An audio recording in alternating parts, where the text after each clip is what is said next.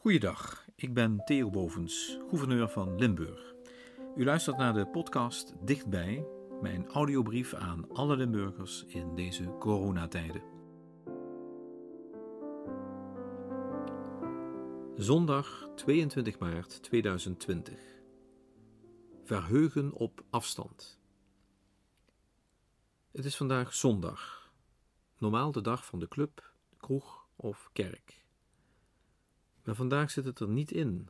Geen matches, geen derde helft, geen heilige mis of al die andere dingen die we vandaag normaal zouden doen.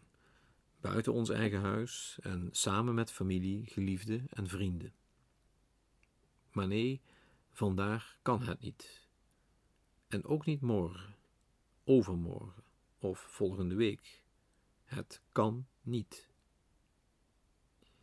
Ik weet het, het is vreemd, het voelt onnatuurlijk. Zeker voor wie weet dat het vandaag half vasten is. En dat half vasten vandaag samen had willen vieren met optochten in Klimmen, in Horst of samen met de Belgische buren in Mazeik. Of zich had verheugd op het krombrood in Sittard.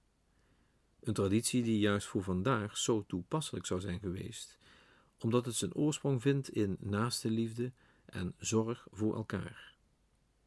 En omdat het feest voor de jeugd elk jaar weer begint bij de kapel van Sint Rosa, de heilige die 350 jaar geleden zo succesvol is aangeroepen in het stoppen van de pest. De heilige mis daar ging vanochtend wel door, in de stijl waaraan we nu gewend raken, zonder publiek en online en voor wie er troost uit haalt.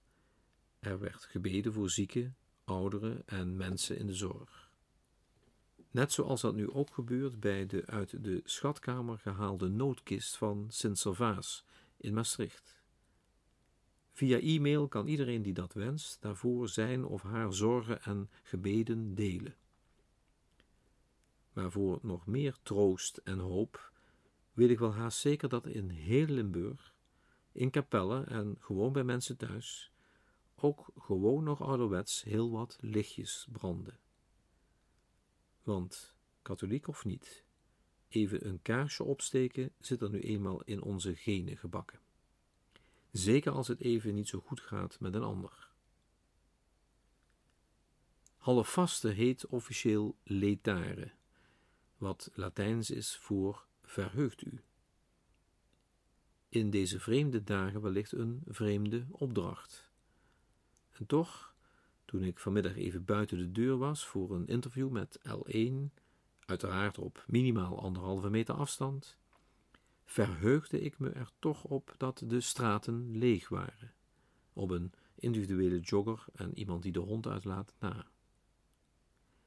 Want samen onderkennen dat we even niet te dichtbij kunnen zijn, is nu even het allerbeste voor u, voor mij, voor ons allemaal.